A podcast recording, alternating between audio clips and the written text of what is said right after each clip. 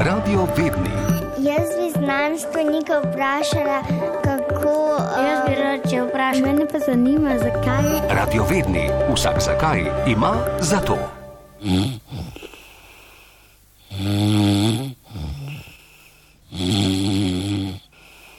Kljub dolgoletnemu intenzivnemu preučevanju spanja, danes še vedno nimamo vseh odgovorov na vprašanje, zakaj spimo. Je pa spanje tisto ključno orodje za naše telesno in duševno delovanje. Brez spanja ni življenja. Bistveno je za normalno delovanje žilčnega sistema, ki na to uravnava različne funkcije in sisteme našega telesa, denimo telesno temperaturo, delovanje imunskega sistema in regeneracijo telesa.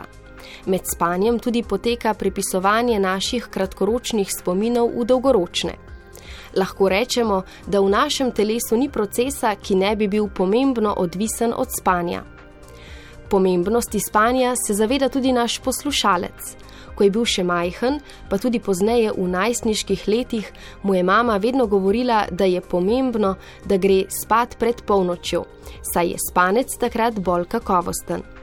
Zanima ga, ali to drži, zato se je na nas obrnil z vprašanjem. Ali je res, da je spanje pred polnočjo bolj učinkovito? Na pomoč smo poklicali strokovnjakinjo za psihološko zdravljenje moten spanja, dr. Vito Štukovnik, specialistko klinične psihologije in docentko za psihologijo na oddelku za psihologijo Filozofske fakultete Univerze v Mariboru. Res je, da so že naše babice vedno govorile, da je vsaka ura spanja pred polnočjo vredna vsaj toliko kot dve uri po polnoči. Vendar tega pregovora ne smemo imati preveč dobesedno, saj se v polnoči ne zgodi žal nobena posebna magija. Ta rek je verjetno vse delno povezan s tem, da se arhitektura in pa tudi kakovost spanja spreminjata tekom noči. Naše spanje je namreč sestavljeno iz več ciklov, ki trajajo približno 90 minut, in v teh ciklih naši možgani prehajajo med fazami rahlega in pa globokega nerim spanja ter rem spanja. Razmerje globokega nerim in rem spanja se tekom noči spreminja, tako da se največ globokega nerim spanja zgodi v prvih ciklih oziroma v prvem delu noči. Proti jutru pa v spanju začne prevladovati rem spanje. To pa je za vprašanje, ali je spanje pred polnočjo bolj učinkovito, pomembno, saj nam raziskave razkrivajo, da je prav globoko spanje tisto, ki je bolj osvežujoče in regenerativno kot rem spanje, ki pa ga povezujemo predvsem s sanjanjem in ima nekatere druge pomembne funkcije za naše psihofizično delovanje. Ko govorimo o idealnem času za spanje, se pravi o tem, katera je tista ura, ko bi najkasneje morali biti v postelji in zaspati, pa moramo vedeti tudi, kaj uravnava naše spanje. Torej, kdaj bomo zvečer zaspani, kako kvalitetno bo spanje in podobno. V osnovi so to dva mehanizma. Spalni pritisk oziroma naša želja po spanju, ki je odvisna od tega, koliko časa smo že budni, in pa cirkadijani ritmi, ki jih uravnava naša notranja biološka ura v suprakizmalnem jedru.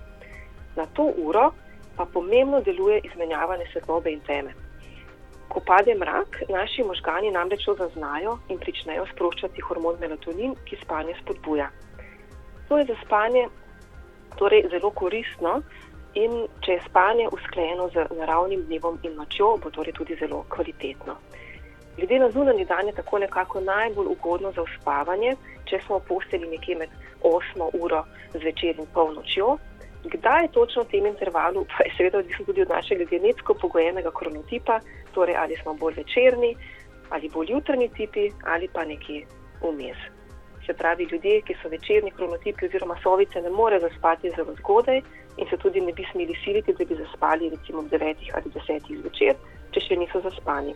To je torej čisto genetsko pogojeno. Naravna izmenjava svetlobe in teme torej vpliva na naš cirkadijani ritem oziroma naravni cikl, ki nam pomaga določiti, kdaj hočemo biti budni in kdaj si želimo spati. Zato bomo, če gremo spat pozneje, hitreje prešli v faze spanja REM oziroma bo manj našega spanca globokega, regenerativnega. Sicer je eden izmed današnjih družbenih idealov tudi ta, da spimo malo, ker smo lahko tako dalj časa produktivni. Doktor Štokovnik pravi, da je sicer res, da so naše potrebe po spanju s starostjo vse manjše. Novorojenčki denimo prespijo od 14 do 17 ur dneva, na to pa se naše potrebe po spanju postopno zmanjšujejo ter se v odrasli dobi ustalijo. Vendar pa za optimalno zdravje in delovanje tudi odrasli potrebujejo od 7 do 9 ur spanja. Ideal 8 ur spanja na noč torej kar drži. Seveda pa so potrebe različne glede na vsakega posameznika. Približno 3 odstotki ljudi imajo denimo redko mutacijo v genu, ki uravnava naše spanje. Zato lahko dobro delujejo tudi z manj kot šestimi urami spanja na noč. Za telesno zelo aktivne ljudi, denimo športnike, pa je dobro, da spijo več. Radiovedni se s tem za danes poslavljamo in vam obljubljamo, da se spočiti vrnemo prihodnji teden. Vi pa nam lahko svoje radiovedno vprašanje posredujete na frekvenca x afnartvslo.si in morda že prihodnič odgovorimo prav na vaše. Bi radi nekaj izvedeli? Radio Vedni. Pač eni ljudje iz radia, ki so preveč radovedni.